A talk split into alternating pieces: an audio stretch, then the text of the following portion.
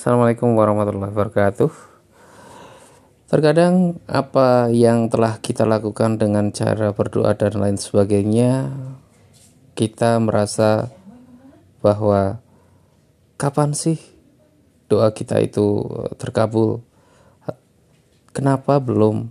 Dan banyak hal yang mungkin kita selalu menyalahkan Tuhan atau menyalahkan keadaan sesuatu yang masih abu-abu tapi intinya bagaimana cara menyikapinya supaya kita tidak terlalu berharap banyak maka jangan pernah kamu menanyakan kapan dan bagaimana serahkanlah semua kepada Tuhan karena dengan caranya kita akan selalu mendapatkan kebahagiaan.